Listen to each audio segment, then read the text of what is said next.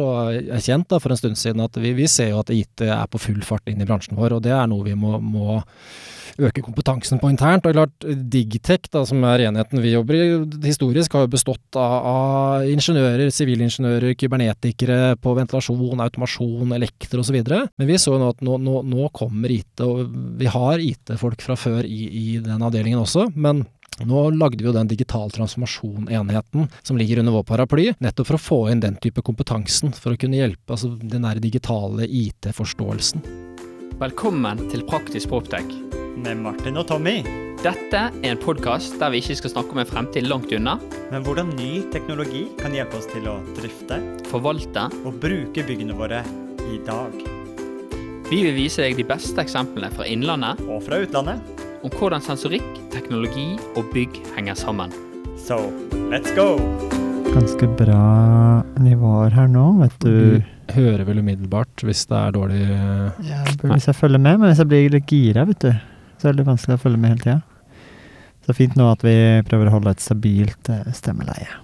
Si noe mer da, Magnus. ikke, Vi må snakke veldig sånn monotont hele tiden. Nei, han blir litt sånn gira. Ja, men det er lov. Det er lov. dette er eh, Ja. Pokker heller. Husk at du er inni øret til noen. Det er det, det nærmeste du kommer av noen. Ja, okay. skal, Det viktigste vi prøver, det er det at det må være gøy. sant? Det må være være. Det være gøy. Folk må liksom, Når folk lytter på, så skal de så skal de liksom tenke at ok, men de der der koste seg. Ja. Og det er det viktigste. Det er bra. Og så eh, tror jeg vi begynner med å En obligatorisk selfie? Uh, Nei, ja, skal vi ta selfie Jeg kan først? ta en her. Jeg kan ta en her. Alle inn. Og én og to og Hei! Ja da. Der har vi han. Dere har fått god trening på det her nå. Ja, det begynner å det det, eh, vi er, eh, du, Jeg tror du Vi er noen episoder som vi har i pipen. ja, Du, du blir rundt 80, tror jeg. 80. Det er bra tall. Så dere spiller inn mange, og venter Ja, ja, sjonglerer litt på Vi releasen. Det er det, som, det er det som er planen, men vi er ikke alltid like flinke. Så det har vært noen fredager hvor vi Ja. sånn, Ja. Ja. Og så ringer, stresser vi rundt, og så Ja, ringer der har vi. Det er alltid greit å ha noen i banken. Ja. Ja. Vi har en lang liste over mennesker. Hitlisten vår. Eh, men ja. Jeg tror det var veldig bra. Utrolig gøy. Vi, Ja. vi sitter nede i en eh, bunker her i Barcode, hvem skulle tro? Eget podkaststudio her i Oslo, under HRP. Deg 16. Digg 16. Digg Degg. Degg. jeg, også for en bergenser så var ikke Digg 16 så veldig logisk hvor det var. Nei, det er også kalt eh, Dronning Eufemias gate Ja. 16, midt på Barcode i Oslo. For det, det Eh. forsto Google Maps mye bedre enn jeg skulle finne frem. Du fant ikke Degg 16? Nei. Nei. Det må du få gjort noe med. Det er derfor du kjørte over Barcode-broa tre ganger i dag Ja, tidlig. helt, det er faktisk helt true story. Du tasta inn Digg 16. Ja. Skal, kul branding på byggene her, så er dronning, dronning Eufemias gate 16 sitter vi i. I underetasje 1 i et ganske fancy bygg, i et uh, custom-built uh, podkaststudio med Magnus. Velkommen inn, da. Takk skal du ha. Hyggelig. Ja. Gøy å kunne være med. Det var jo, vi, har jo, det er jo bare, vi var jo bare kollegaer noen måneder. Så det, det var ikke lenge den gangen. Rakk vi å bli Ja, jeg tror det var Det var- inn og ut døren samtidig. Ja. Det var bare plass til én av oss. To store egoer. Du måtte vike. Jeg måtte vike. Ja, ja. Så jeg, Men det var uh, automasjonsdagene hvor dere møttes før. Ja. Det var de glade automasjonsdager. Ja. Jeg mimrer jo fortsatt tilbake til den tiden. Det var eh, fryktelig gøy. det var gøy. Det var mye galskap, mye kreativitet, Ja. men uh, først og fremst gøy, da. Det var det. Ja. Og Hvilket eh, selskap var dette? dette var den gangen det het Hoist Energy. Men det var det nå at det var et selskap i Sverige som skulle liksom akselerere et uh, automatikkselskap, EM-systemet fra Bergen. Ja. Så vi endte opp uh, i samme. Men uh, de siste dagene òg så har du skrevet en eh, artikkel i ITB Aktuelt. Eh, ja. Litt, eh, litt omdiskutert og Ja, masse ja, Jeg liker veldig rett på sak, syns jeg. ja, jeg føler jeg prøvde å ta liksom eh, ta, ta problemstillinga ved roten. Eh, så, så ja, men jeg har fått mest positive tilbakemeldinger. Det er ikke så mange som har sagt seg uenig. ja, men det er de, det er de som eh, er uenige. De, de, De tar ikke tør ikke å alltid si. Nei, ikke Nei. helt. Nei.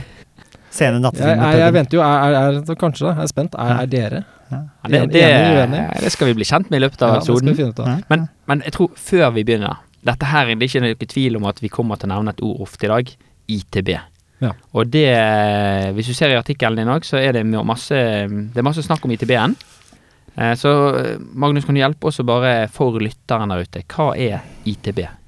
ITB er jo nok en sånn eh, fancy trebokstavsforkortelse. Eh, det er det jo blitt veldig mange av. Eh, ITB står jo først og fremst da, for integrerte tekniske bygningsinstallasjoner.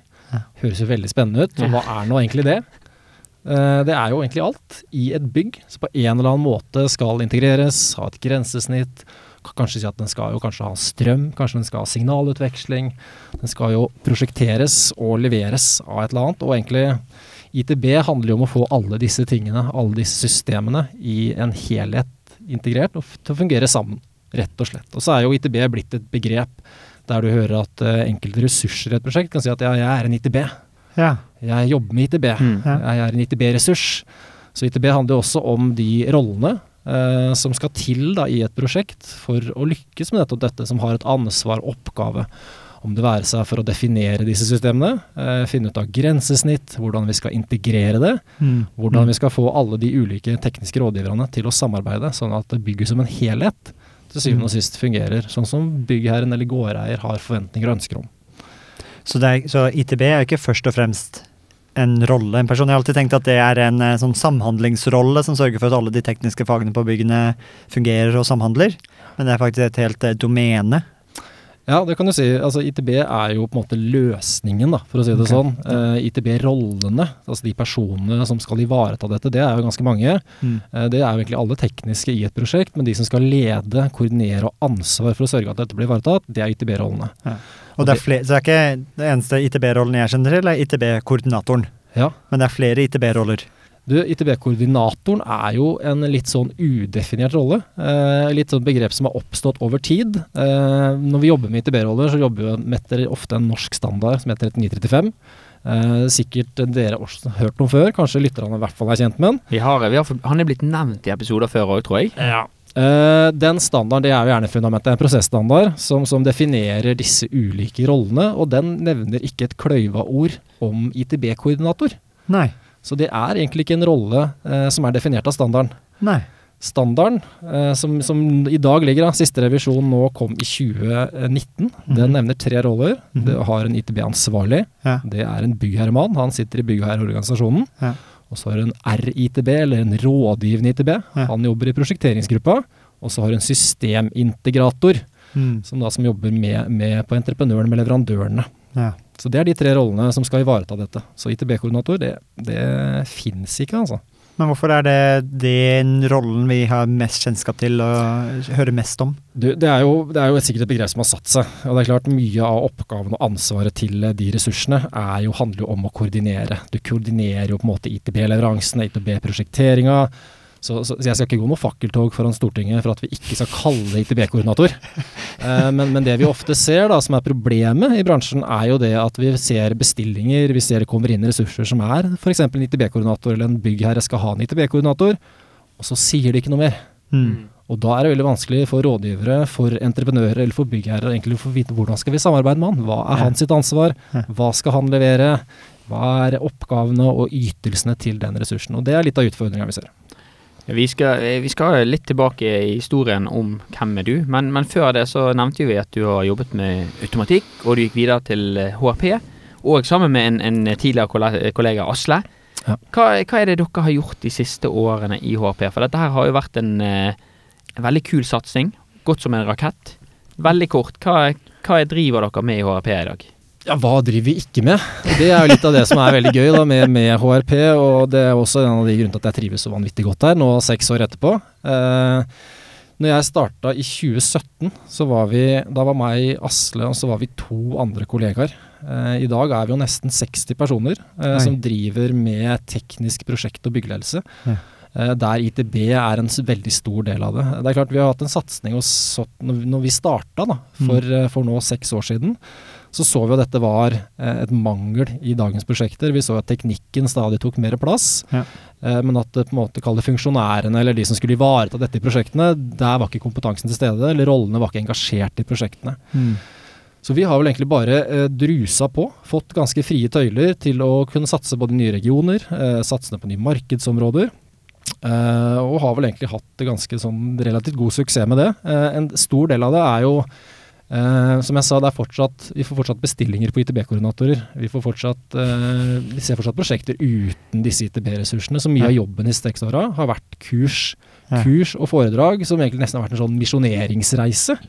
For å øke bevisstheten, øke bestillerkompetansen, og på den måten ikke bare gjort prosjektene bedre, men også skape et større marked for disse tjenestene. Ja. Det er jo tydelig at når vi prater her, eh, diskutert ITB, vært nysgjerrig på ITB, lært om ITB, det er ikke mange setninger som skal til før HRP og Digitech kommer opp i samtalen som et ledende kompetansenivå. Et misjonsarbeid som har fått til å gjort denne her eh, kompetansen, men også i mitt hode rollen, så, så sentral i, i byggeprosjektene. Ja, så Jeg tror vi har hatt et veldig, veldig riktig og viktig fokus på denne rollen eh, som et PA-selskap som det vi er. altså Så driver vi prosjekt, prosjektadministrasjon. Ja. Så, så, vi liker jo å si at alle som jobber i ØRP er ledere. Og vi mm. mener jo også at denne rollen, som om det er en RITB eller om det er en systemteater ITB-ansvarlig, det er en ledelsesrolle. Ja. Eh, og vi har også hatt veldig fokus på det å standardisere og profesjonalisere den rollen. Som vi tror har vært en, en viktig, viktig, driver for den suksessen vi har hatt. Um vi må bli litt bedre kjent, Magnus. Og vi, vi er litt sånn stolte i Praktisk Proptek at vi, vi, graver dypt. Mm -hmm. Har gjort litt forarbeid. Og nå ser jeg svetten kommer på, på høyre panne her. Mm. Men eh, for de som ikke kjenner deg så godt, så husker jeg eh, første gangen jeg hørte om, eh, om deg fra Eirik Bjørnstad. Da var jeg på vei ut dørene. Så en tidligere gjest i Praktisk Proptek. Ja. Og eh, en tidligere kollega. Så sa han det er nå jeg ansatte en ny en. Og dette her blir spennende. Han, vet du hva, jeg tror han her ble født inni en ventilasjonskanal, og har egentlig vært inni der fra, fra barndommen av. Uh, og det fikk, ble jeg litt kjent med deg i dag og forsto at uh, du er jo født inn i en entreprenørfamilie der ventilasjon alltid har vært uh, høyt. Du, det stemmer. jeg har kommet meg ut av ventilasjonskanalen nå. men ja, du kan si at jeg nesten ble født igjen. jeg vokste opp i en, en entreprenørfamilie der faren min drev en ventilasjonsentreprenør på, på, på Østlandet. Så jeg, så jeg, vokste jo opp veldig i den. Jeg husker jo det lå tegninger på bordet hjemme. Jeg var veldig spent på dette. Hva er ventilasjon? Eh, jeg fikk være med pappa på jobb, og jeg husker første tusenlappen jeg tjente. Da, da krabba jeg rundt i ventilasjonskanaler og bytta filter og vaska aggregater sammen med faren min. Jeg mener jeg har møtt en bror og han har jobbet med ventilasjon, jeg skjønner? Nå er jo, Broren min er jo han som har tatt over firmaet. Ja. Så de driver da Vestfold Klimaventilasjon da, som selskapet er. Så han styrer jo den skuta der nå. Ja. Uh, men ja, er en entreprenørfamilie og er jo veldig glad i ventilasjonsfaget. Men, men sånn, eh, som fag så blir det litt for snevert. da Jeg liker jo å jobbe med den mer tverrfaglige helheten i bygget. Ja, og derfor eh, automasjon ble en riktig vei å gå? Det var veldig tilfeldig. Uh, jeg hadde jo egentlig ikke kompetansen til det når, Eirik ansatte meg. Da kom jeg fra ventilasjonsbransjen og hadde jo egentlig hadde vært med på noe igangkjøring eller innregulering, hadde fått med noe S-anlegg som var en underleverandør fra oss. Mm. Så, så, men Eirik ga meg muligheten og sjansen, uh, og jeg syns jo det var veldig spennende. Jeg er jo veldig drevet av utfordringer, og ikke det å kunne ting, men det å lære seg ting. Uh, en fun fact kanskje verdt å nevne er uh, siste skoledagen min. Kan dere gjette det? Formelle skoledagen. Ja, Nå er jeg spent. Det er tiende klasse på ungdomsskolen. Er det det? Og resten så var det inni ventilasjonskanalen? Wow. Da, da, for da flytta jeg inn i ventilasjonskanalen. Ja. wow. Og så har jeg gått med hatt et veldig fokus på det å, det å lære meg det jeg trenger å lære, mm. når jeg trenger å lære det. Og, og, og, litt sånn med dagens samfunn, da, som er i stadig endring. Mm. Så hva vi lærte for 10-15-20 år siden, er ikke så veldig relevant. Det er jo evnen til det å kunne lære seg noe nytt. Mm. Mm. Og det var jo veldig spennende da Eirik kom og lurte på om jeg kunne ha lyst til å begynne som systemintegrator, tror jeg faktisk rollen het da. På, på byggeautomasjon. Og jeg tenkte ja, det, ja, vi gjør det. La oss kjøre på. Aner ikke hvordan vi skal løse det, men det, det fikser vi. Meg, meg fra tech-verden og oppstartsverden, så er jo et, et, eh, flere sånne oppstartsselskaper som har gått bra, har jo skapt et mafia, et miljø rundt seg. Så vi kaller jo PayPal-mafia alle de gründerne som kom ut der og tjente seg rike. og Elon, Elon Musk er jo opprinnelig fra PayPal og tjente sine første millioner derfra. Uh, Peter Thiel, uh, første investoren i Facebook, kom ut derfra. Det virker som at kanskje i Norge har vi The Hoist Mafra. For at, uh, du er jo tredje generasjons Tommy. Det var Tommy, så kom Eirik Bjørnstein, tok over rollen til Tommy. Og så var det du som var V3 Tommy, og tok rollen til Eirik igjen. Ja, Da har jeg store sko å fylle, da, skjønner jeg. ja, men det sier jo litt sånn progresjon. Jeg ser det. Hockeystucket fra hockeystikkutvikling. Det er forbedring hver gang, vet du. Men apropos uh, mafia. Hvis jeg begynner å beskrive en uh, våt, grønn, fuktig plen som vannes eh, litt mykt og forsiktig i en fredagskveld rett etter den er luftet. Varmer det et eh, hjerte? Ja, nå, nå, det, nå, må du ikke si det så høyt, da, for nå er det vanningsforbud. Eh, så det gjør jeg ikke nå. Jeg driver ikke med noe vanning nå om dagen. Eh, det, det, det, skjærer litt i hjertet. Ja. En god, en god velholdt plen Det- får ditt hjerte synge. skjønner jeg hvor informasjonen er hentet fra. og Det hadde jeg ikke trodd. Jeg flytta jo fra Oslo hjem til Sandefjord, der jeg er fra, for, eh, for fire år siden. Mm. Uh, Og da fikk jeg menebolig med plen. Uh, Og at jeg skulle så bli så lidenskapelig opptatt av å holde den plenen ved like. Den skal være rett, det skal være riktig gressfrø, du skal vanne og gjødsle riktig. Ja. Vi kunne hatt en egen podkast om plen, men, men det er ikke helt tema for i dag. eh. Men, men jeg tenker at det, det bare den lidenskapen og detaljorientert og perfeksjonisten i deg, det at eh, din plen er, eh, blir beundret av greenkeeperne fra flere lokale golfklubber som går forbi og tenkte sånn skulle vi hatt vår eh, eh, T-green. Nei, hva heter det, den siste plenen før er på ja, greenen. Du setter på en måte standarden.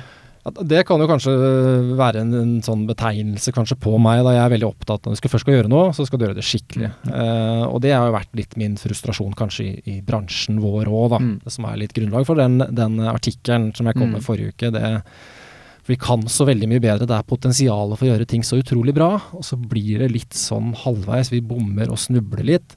Men i hvert fall når jeg kan styre alt sjøl, sånn som plenen min, da, da blir det green. Men, men la oss ta et taktskifte bort til, eh, tilbake til ITB og frustrasjonene og utfordringene.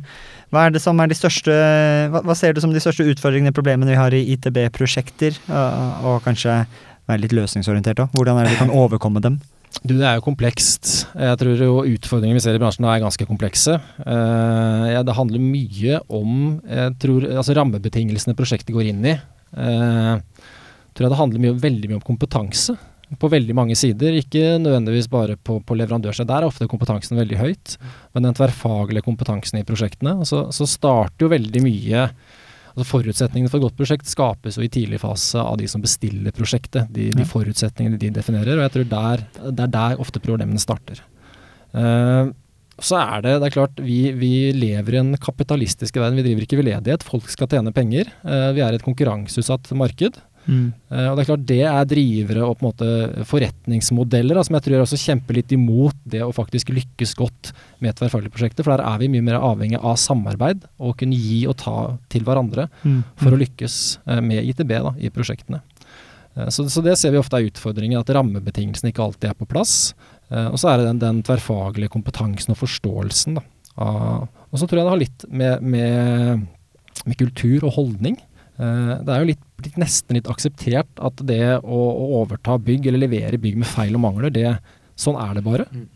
Eh, Jeg ser vi leverer, og det er en annen enhet i selskapet vårt som, som leverer bygge, byggeledere. Og der står jo predefinert før vi har begynt at en av, de, en av de store oppgavene vi skal gjøre etter prosjektet er ferdig, er å følge opp feil og mangler. Så du har på en måte sagt at du skal gå på trynet før du har begynt å sykle. Så nei, jeg, jeg tror det er komplekst. Og så er det klart det er mye ny teknologi.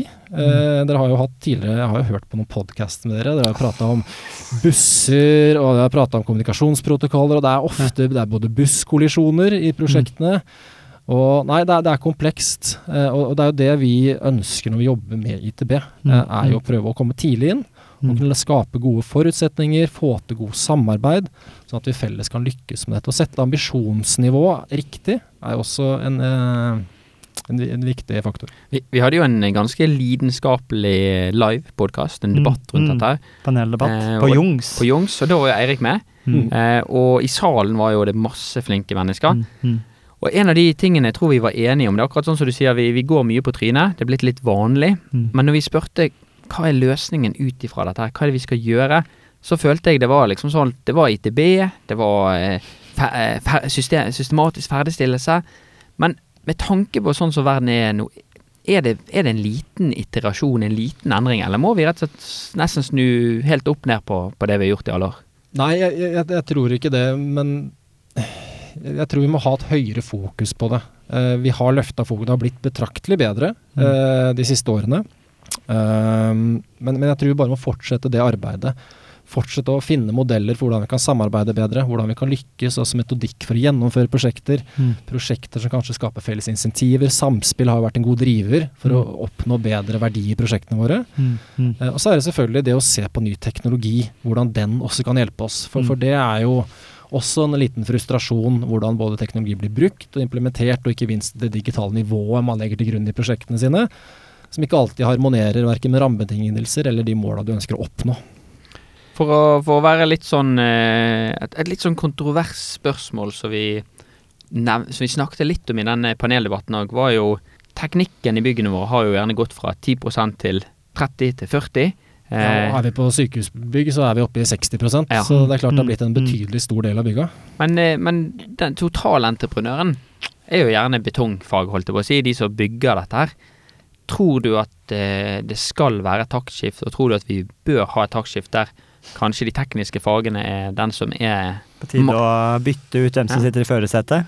Ja, du, det er jo en spennende tanke, og det er jo flere som, har, det er flere som deler den tanken. Og det er jo flere prosjekter der man også har testet dette nå ut. Og det er klart du begynner å få ganske store, tunge totaltekniske entreprenører. Se på GK, se på Caverion. Store Mm. entreprenører som er halve organisasjonen til å kunne også kjøre store prosjekter. Og, Mm. men det er klart, det må jo alltid vurderes i forhold til prosjektets kompleksitet. Det er klart, Rehabiliteringsprosjekter, det er jo ofte teknikk til en stor grad.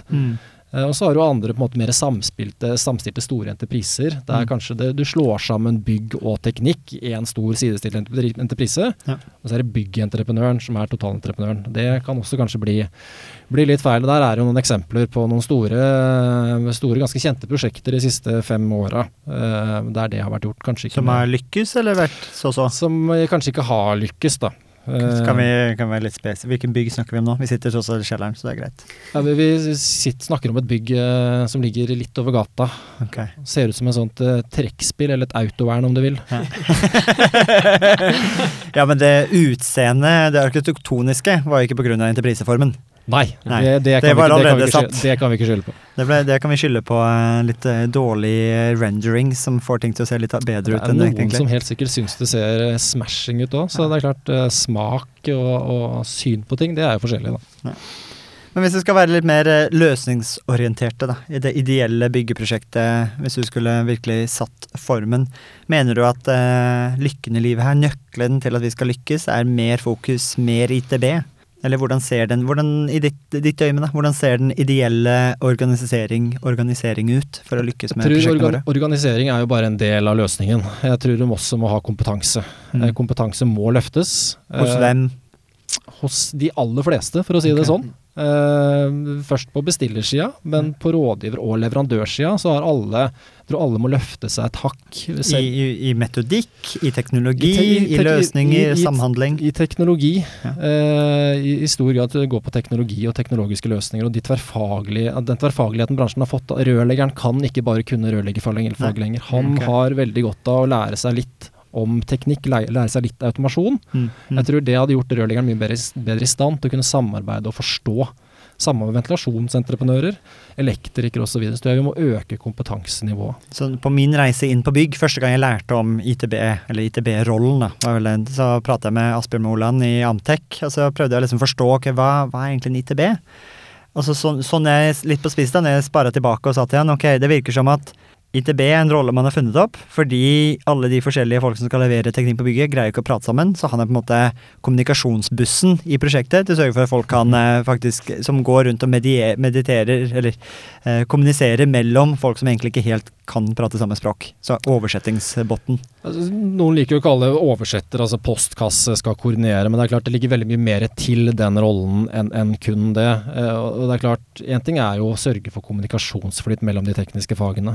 Avklare grensesnitt og leveranser og sånne mer enkle ting. Og så er det klart, Dagens bygg har jo ganske mange integrerte funksjoner. Ja. Der du er avhengig av at flere systemer fungerer sammen. Eh, Og mye av dette er jo ikke noe nytt. Eh, Sånn har det jo vært i ganske mange år, at flere systemer fungerer sammen. Problemet før har jo vært at dette skulle vært løst av tre-fire forskjellige personer. Mm. Så skal vi finne en løsning sammen. Mm. Da har vi ofte sett at det har tatt litt lengre tid. Eh, Og når man sitter fire stykker og skal jobbe med en samme problemstilling, så er det ofte noe som detter mellom det vi sitter på, som kalles stol. Mm. Eh, og, det, og det er klart, det, det har, så det er jo det å isolere det, altså den jobben som går på grensesnittshåndtering, koordinering av funksjoner, tverrfaglige integrasjoner, se på samspill og synergier mellom de tekniske systemene. og Se bygget som en helhet. Det Mm. er et fag. Mm. Og når vi isolerer det ansvaret hos ett fag, så ser vi jo at kvaliteten blir bedre. Ja. Også i mange tilfeller så går tiden man bruker på det også ned. Så man Og når får- du sier det er fag, det er et ITB-fag. det er ITB-fag. Og ikke bare, ikke bare å finne løsningen, men det, klart disse tekniske systemene de skal jo Du har driftsorganisasjoner som skal lære seg å bruke det. Så, så det å planlegge en god opplæring på tvers av alle systemene og alle fag Dette skal testes i, og igangkjøres eh, og i driftsettes. Mm. Som har masse tverrfaglige avhengigheter. For å kjøre i gang ventilasjon, ja, så må du kanskje ha eh, sirkulasjon på varmen. Mm. Du må ha strøm. Kanskje Mm. automasjon må ha gjort sitt. For at automasjon skal ha gjort sitt, så må jo IKT-driftsleverandør til byggherren ha kommet Mm, satt inn mm. switcher. Så all, for å få dette til å fungere, eh, så er det, det ligger i oppgaven til, til ITB-ressursen. For å sørge for at det blir ivaretatt på en god og smidig måte. Vi, eh, jeg likte litt det du nevnte med, med rørleggeren må ha mer kompetanse, ventilasjonsteknikere må ha mer kompetanse. De leverer jo utrolig masse teknikk og automatikk, egentlig. Og, og jeg, jeg husker et liksom tilbake til eh, i hvert fall 10-12 år siden, sånn, så var det nesten at man leverte det fra seg, løpte derifra, og så håpte man på en måte at automatikk fanget opp den ballen og fikset det der. der sant? Det var, så så den, den, den jeg også troen, veldig veldig stor troen på at, at alle må heve den kompetansen. Um, men, men hvordan kan vi egentlig sikre at automasjon og det styringen, eller det, det som du omtaler som nervesystemet i bygget, Mm. hvordan kan vi, hvordan kan vi sørge for at, at, at det, det skal funke til syvende og sist?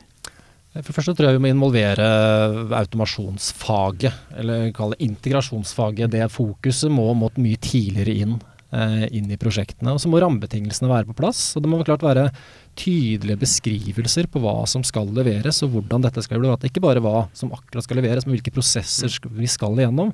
For vi ser jo at eh, i, en konkurranseutsatt bransje som, sånn som byggenæringen er, som veldig mange andre, Mm. Eh, så, så, så forutsetter man og tar jo ikke med Altså vi driver ikke veldedighet. Eh, og det er klart Hvis ikke rammebetingelsene er satt for å gjennomføre disse prosessene, for å kjøre table-tester eller for å delta på x antall grensesnittsmøter, Mm. så ser vi at flere kan jo da vegre seg for å bruke masse tid på det, Mm. fordi de kanskje ikke ser behovet. Mm. Og det er klart, da, blir det, da, da, da oppnår man ikke det man trenger, og, og feil og mangler kommer på et sent tidspunkt, gjerne når vi da i driftsetter og igangkjører anleggene.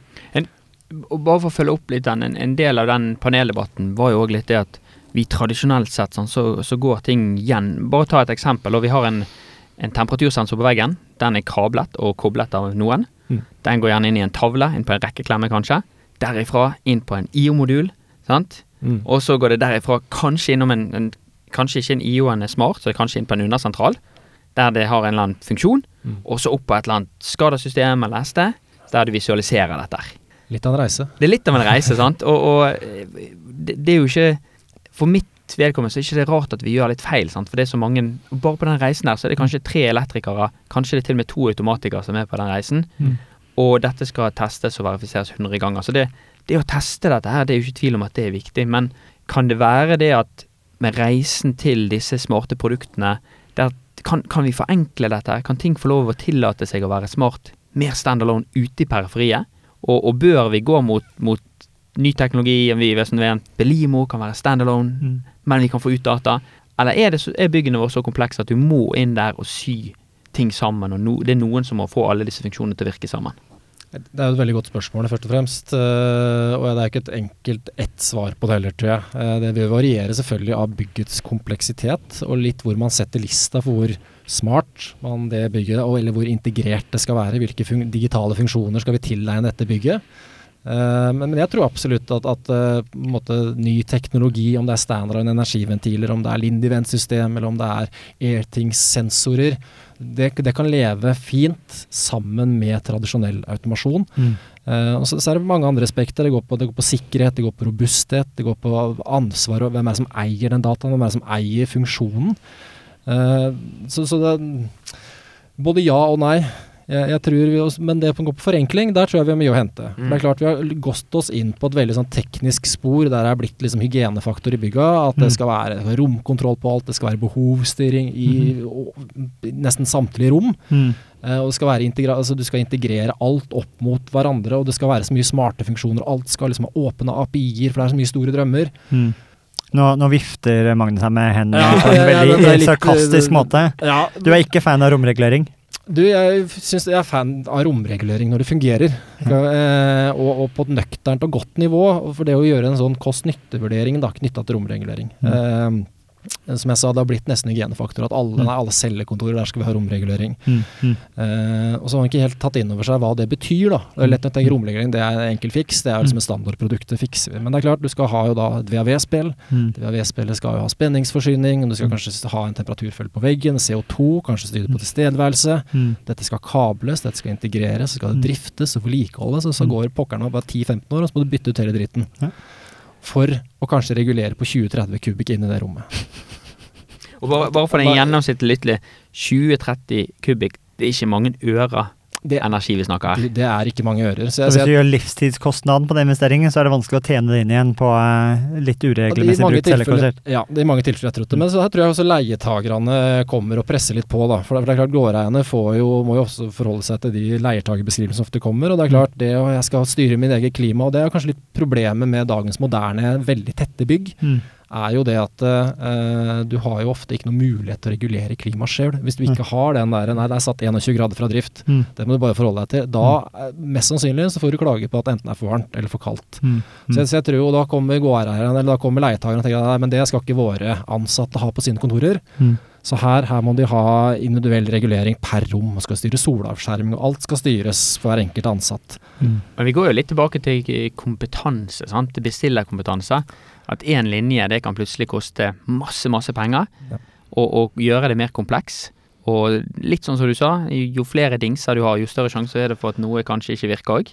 Mm, Absolutt. Og, og det, det, som, det som har slått meg i, i mange år, er jo det at hvis vi tenker på hvordan vi styrer ventilasjonsanleggene våre, og vi, vi skal stille det på en optimizer, altså at vi skal sørge for at vi har minst mulig trykk i kanalene, så skal de ha tilbakemelding fra alle disse VAV-ene.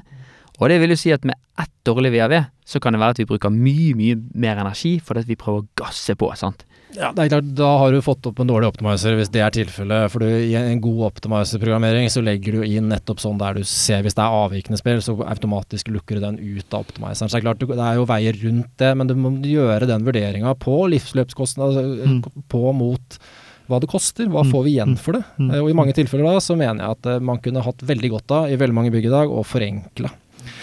Eh, ta barnehage f.eks. Der har jeg et veldig godt eksempel fra, fra Drammen. En som heter Geir Andersen, sitter, Ja. jobber i Drammen Eiendom. Mm.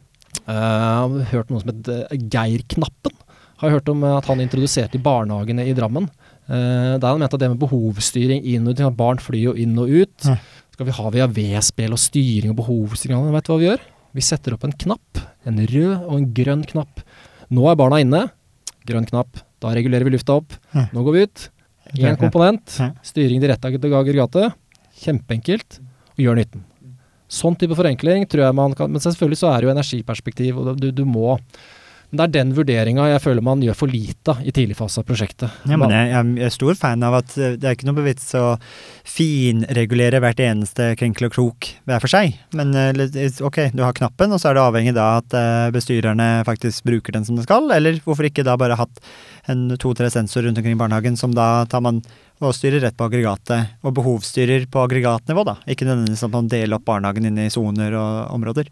Så tar vi bare maksverdien på de tre sensorene, da. Absolutt like mye mulig. Det er, og det tenker Men det, jeg det er en sånn forenkling som er sunt. Jeg er helt enig på det. Sunn forenkling. For det å tenke skal ha behovsstyring på hvert enkelte bøttekott og skifterom i en barnehage, med tilhørende VAV og CAV-spill Ja, ja, ja. og sensorikk for å få det opp, Og vedlikehold og feil, ting som går feil i spillet. og eh, automatikktavle, ikke sant, så må du jo ha dette visualisert, og da må du kanskje opp med et sånt brukt S-anlegg Mm. for, å få dette, for å få styrt og Så nei, jeg, jeg tror forenkling, der tror jeg vi har mye, mye å tjene i, Mm. i bransjen vår. Og da, apropos eh, bygg og teknologi. Ja. Du har jo stått på barrikaden nå i ITB Aktuelt. Og eh, det har vært veldig hot nå å kritisere for selskaper og, og leverandører som prater om eh, grønnvasking. Men nå har du introdusert et nytt begrep. Smartvasking av byggene våre. Ja. Dette her eh, skaper mye frustrasjon og engasjement fra deg. Hva er det du legger i ordet smartvasking? Det er litt av det jeg er inne på. Eh, det man ikke tar helt inn over seg, det ved å tilføre teknologi, eh, tekniske løsninger til bygga. Eh, man, man går litt, litt på sånn hygienefaktor og tenker at det er smart. Det må vi ha. Vi må ha selvfølgelig må ha behovsstyring i barnehager. Mm. Selvfølgelig må vi integrere eh, adgangskontrollanlegget Mm. inn mot eh, klimastyringa. Det er jo kjempesmart. Mm. For da kan jo bare temperaturen reg automatisk regulere seg når han vet at jeg går inn i det møterommet. For jeg liker å ha 22 grader. Høres fantastisk smart ut. Men realiteten, kostnadsbildet, vedlikeholdsbildet Og så eh, må vi være ærlig, det, det funker jo veldig sjeldent. Og det med å brande seg med, og ikke, ikke bare teknologisiden, da, men også det med å bruke mer digitale hjelpeverktøy. Altså BIM da er jo en av delene. Eh, det fikk vi jo begge, alle, alle tre høre når vi var i Molde forrige, forrige uke. Ja. Uh, Big Lime 723, thank you, Sinde Gundersen. Yes, veldig bra opplegg. Og jeg ble meget imponert over innlegg fra Anker. Mm. Uh, og jeg, Det er jo en frustrasjon jeg også har delt, eller ikke nødvendigvis en frustrasjon, en erkjennelse på Mm. det at vi, vi kjører jo BIM. Han kalte det en lukka fest. Mm. Mm. Jeg har sagt at vi kjører liksom rundt i første gir. Vi kjører liksom bare BIM og det, det verktøyet det kan være for informasjonsutveksling eh, i et prosjekt, Mm. eh, eller i drift, eh, eller i bruk i prosjektgjennomføringa. Vi tar ikke ut den, den nytten vi kan. Ja. Men hva, hva, hva, er, hva er linken da til smartvasking og være i første gir på BIM? Nei, altså, du, mange tenker jo at vi må ha BIM for det er smart. Mm. For det er liksom, vi må jo ha BIM vi, bare, vi bare skal vi skulle si at vi jobber med BIM, vi har BIM, men så bare det, bare det å kunne si at vi gjør det, det var nok. Det var nok. Og så tenker vi da vi på en måte prosjektet vårt er smart, vi bruker de siste verktøyene. vi er så har, men vi, nytenkende. vi har ikke Eller vi har eh, romregulering på alle rom og brukerbehovsstyring på app, og alle kan booke sine møterom, og alt er flott. Og så legger vi på masse kompleksitet og kostnad. Mm. Det, det ser ganske fancy ut som en, eh, på en slide, som eh, Norges smarteste bygg, men vi har ikke tatt inn faktisk den faktiske ROI-en, og den faktiske gevinsten er ikke hentet ut. Da. Nei, både at du ikke henter ut all den gevinsten du kan, men ofte så kan du jo veldig mye altså Det å putte et bygg fullt av smart eh, teknologi, da, for å kalle det det, er jo ikke synonymt med at det bygget nødvendigvis er smart. Nei. I mange tilfeller så kan det være stikk motsatt. Eh, Det kan skape problemer. Det kan Mm. skape problemer i både for brukerne, men ikke minst også drift. Altså ta, ta adgangskontroll med mobilløsning. Mm. Eh, har og, skapt mye problemer. Mm. Eh, og det er klart, ofte så blir det til slutt ikke brukt. Ja, For det Eh, tar fort eh, 30-40 sekunder å åpne pappen, appen, koble seg på blåtann, åpne Nettopp. folderen. Mye frustrasjon. Veldig mye lettere med sånn kort jeg har rundt halsen her. Ja. Eh, nei, og, så- er det også altså Contact, da. Eh, ta samhandling, digitale samhandlingsverktøy som vi tar i bruk i prosjektene våre. for at Her skal vi kommunisere alt, vi skal kjøre, bruke verktøy for å styre fremdrift. Men så tenker man, tar man ikke inn over seg at dette krever faktisk Dette er en endring for de aller fleste. Dette bare kaster vi inn i prosjektet. Nå skal vi plutselig Alle skal bruke BIM-synk, og alt skal håndteres der, vi skal kommunisere. Men, men hvis ikke alle gjør det, Mm. hvis plutselig noen begynner å sende e-post, og nei, så, så mister man mye informasjon. Mm. Er Da kan det ofte sånne typer verktøy være mer til hinder Ja. enn faktisk det er en del av løsningen. Så 1000-kronerspørsmålet er jo da hvordan kan vi egentlig sikre at liksom ny, fancy teknologi gjør bygget smartere, og ikke bare blir en sånn ting vi skryter av, tror du?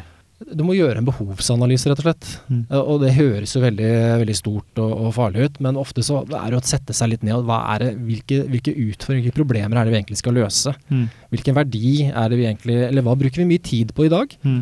Og Så tror jeg jo digitale eh, verktøy kan hjelpe oss langt på vei må bare bli Mm. mer effektive og få mer verdi. Men så må vi også tenke på at, denne verdien, eller denne den teknologien, den kan hjelpe oss. Mm. Men hva betyr det for oss å bruke den teknologien både i forhold til anskaffelse, hvordan er det for de som skal bruke den, hvordan gjør vi for opplæring, hvordan skal vi videreutvikle den, og hvordan er denne ene teknologien sett i måte vårt økosystem da, Mm. av digitale verktøy. Ta f.eks. at du har et, et digitalt samhandlingsdag, du bruker Dalux i Mm. prosjektet. Hvordan skal vi da ta data derfra for å bruke det inn i FDV-systemet? Mm. Hvordan fungerer dette på tvers? Og der syns jeg man, man, man eh, ofte går litt fort fram og anskaffer kanskje digitale hjelpemidler, hvis du tenker kontekstsida, liksom for et isolert problem Mm. eller isolert oppgave. Ikke ser på helt hvordan vi skal implementere det og bruke det, eller hvordan det skal fungere i det store økosystemet av digitale verktøy vi har. Mm. Så mye, mye frustrasjon og tanker om eh, nåtiden, hvor vi er, står i dag, hva du ser. Fremover, hva, hvordan ser fremtiden ut for ITB eh, som et domene, men også som roller og smarte bygg? Nei, jeg, jeg tror jo Det er klart, jeg har frustrasjoner, men jeg har jo også eh, håp. Eh, og jeg har håp. Og jeg, jeg ser jo også at det, det er klart vi har utvikla oss mye de siste åra. Og vi ser jo bransjen i en veldig positiv retning. Eh, men at det, er et, at det er et fokus vi må fortsette å ha. Og jeg tror jo kompetanse gjelder jo ikke for, for bare rådgiverne, det gjelder like mye for oss. Mm. Eh, vi jobber jo hver dag med å holde oss oppdatert Mm. eh, på nye teknologiske løsninger. Søke informasjon, være en del av strategiske samarbeid.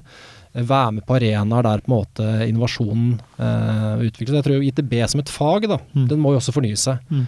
Men jeg tror at vi, vi må i prosjektene våre, jeg tenker da i hvert fall nye prosjekter, store komplekse byggeprosjekter, må det fortsatt være en ressurs som kan lede dette arbeidet. Som skal på en måte styre eh, den tekniske leveransen, styre tekniske råd, koordinere og planlegge oss. Fortsatt sørge for at vi lykkes med den. Og det, og det er like om, om bygget er fullt av enkeltstående Belimo-sensor og Lindivent-systemer. Mm. Dette skal også idriftsettes, dette skal leveres, dette skal testes og prosjekteres og igangkjøres.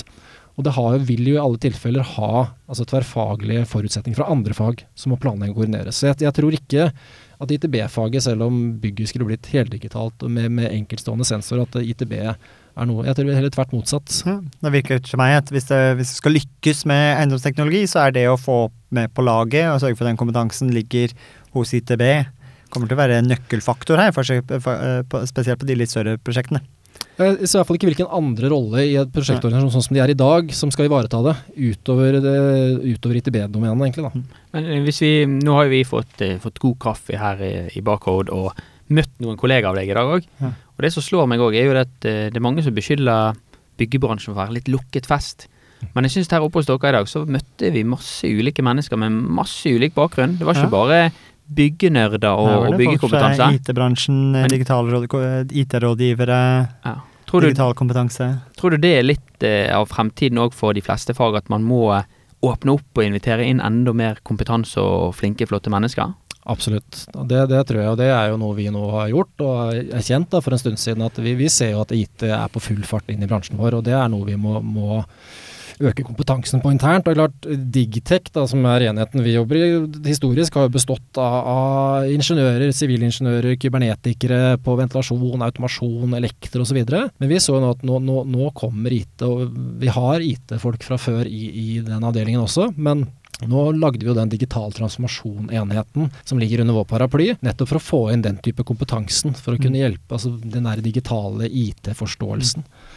Det var jo, eh, når jeg begynte som IT-konsulent for ti år siden, Accenture, så var jo Digital Transformation var den kule, hippe avdelingen for eh, andre eh, bransjer og industrier. Nå ser jeg det er flott at nå byggebransjen også ser at vi trenger også digital transformasjon, at man satser på det. Men det er jo gøy at jeg har på en måte vært gjennom det nesten en gang til, og så vet jeg liksom hvordan det gikk med finansnæringen. Nå kan vi se hvordan dette her skjer med, med byggenæring nå.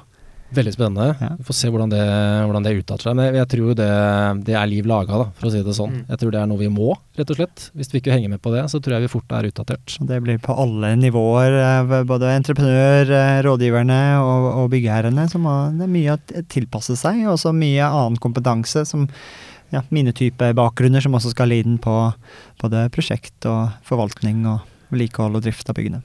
Ja, det er klart, altså Byggebransjen er jo ganske konservativ av natur. ikke sant? Ganske litt sånn siderumpa, litt sånn, sånn har vi alltid gjort det-mentalitet. Men, men med verden rundt oss sånn som det nå endrer seg, og Mm. bransjen vår for, for så vidt, så er vi helt nødt til å også henge på det kompetanseløftet der. da. For å, for å sørge for at vi, vi fortsetter å lykkes med prosjektene våre. Jeg tror med de Ja, for Tommy har uh, bryllupsdag i dag. Han har lovet å være tilbake til uh, for midnatt Nå ligger han med Google Maps til å være fremme 23.56. Ja. Så i god tid før midnatt. Så med det nok en episode av Praktisk Proptek over for denne gangen. Mitt navn er Martin, Mitt navn er Tommy. Magnus? og du har nettopp hørt på Praktisk Proptek! Herlige. Du ikke record? Fuck! 80, 80 ganger. Nei, nei, men han tar den vitsen.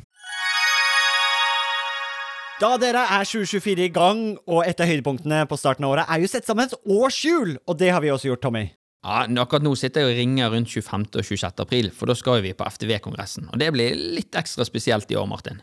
Det var jo veldig spesielt i fjor òg, for jeg husker det vakre øyeblikket når eh, du og Magnus fra FTV-kongressen eh, preiket sammen og egentlig unnfanget og satt sammen en god idé. Og det var jo invitasjonen til eh, Proptech-dugnaden, som også blir et høydepunkt i år, ikke sant, Magnus, på FTV-kongressen 2024. Jo, det stemmer det. Vi setter godt med plass eh, i år til, eh, til dugnaden. En god og sprø idé for å sette praktisk Proptech ut faktisk i livet og vise hva vi får til, ikke bare fortelle. Det var, jo, det var jo veldig gøy, for jeg husker da jeg skulle pitche dette til deg, så tror jeg du avbrøt meg og bare sa 'vi er med'. Og når vi var på dugnaden, så sa du òg at Tommy, dette her må vi ta med oss tilbake på FTV-kongressen. Vi må jo praktisk få dette vekk fra Powerpoint og vise praktisk hvordan vi har gjort det. Og det syns jeg blir litt spesielt i år, at det blir jo for meg en liten reunion av det som skjedde der ute. Men, men eh, FTV-kongressen er vel mye mer enn en, bare en reunion òg. Jo da, det er en møteplass for uh, FTV Norge, og vi ønsker å skape det til en, en god møteplass for FTV Norge, som, som tross alt tar vare på Norges største fastlandsnæring. Og da skal vi da skal vi ha en god arena å møtes for å se på felles uh, utfordringer og problemer, men ikke minst hvordan vi kan løse ting fremover. Og så blir uh, dugnaden en sånn uh, bekreftelse på hvordan vi faktisk kan gjøre det, istedenfor å stå og bare høre om hvordan vi kunne ha gjort det. Det er veldig kult. Og januar er jo en gavemild måned, så hvis du brenner for bedre drifting av bygg, så kan du få med deg en liten rabattkode her også, så møtes vi kanskje 25.-26. april på Tung kongress Gardermoen. Og den rabattkoden er ikke vanskeligere enn Praktisk Proptek med små bokstaver og uten mellomrom. Praktisk Proptek. Praktisk Proptek, små bokstaver, ingen mellomrom ett ord. ftvkongressen.no, der ser du programmet, det blir oppdatert i disse dagene, og så møtes vi i april. Vi ses! Vi ses!